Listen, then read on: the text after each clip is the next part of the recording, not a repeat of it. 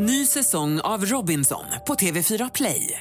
Hetta, storm, hunger. Det har hela tiden varit en kamp. Nu är det blod och tårar. Fan händer just nu. Det. är Detta är inte okej. Robinson 2024, nu fucking kör vi! Streama söndag på TV4 Play.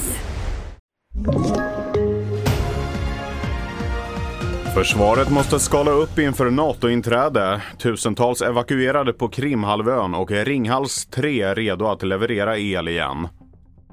Det här är TV4-nyheterna. Det svenska försvaret kommer att behöva skala upp sin kapacitet rejält inför Sveriges NATO-inträde. Upprustningen kommer att behöva pågå under hela 2020-talet enligt arméchef Jonny Lindfors. Och det handlar om både materiell och personal. Vi har ett, eh, ett läge där vi kommer från en, en, en tid där vi har nedrustat, vi har en eh, relativt liten materiellstock och vi behöver bygga upp eh, den personella volymen och kompetensen. Kan du ge något exempel på vilken typ av materiel som man behöver mer av?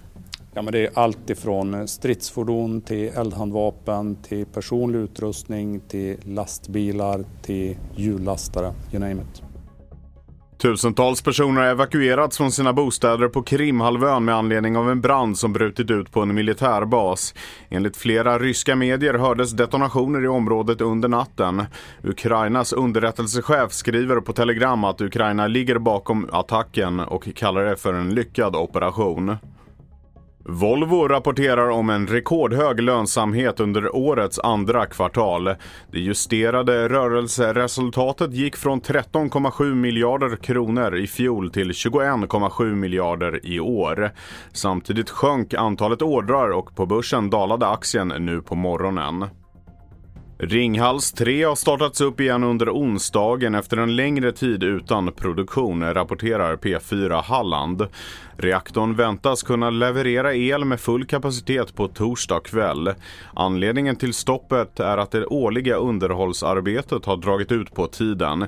I augusti ska underhåll genomföras på Ringhals 4 trots att reaktorn har stått still under en stor del av året. Jag heter Felix Bovendal och mer nyheter hittar du på tv4.se och i appen.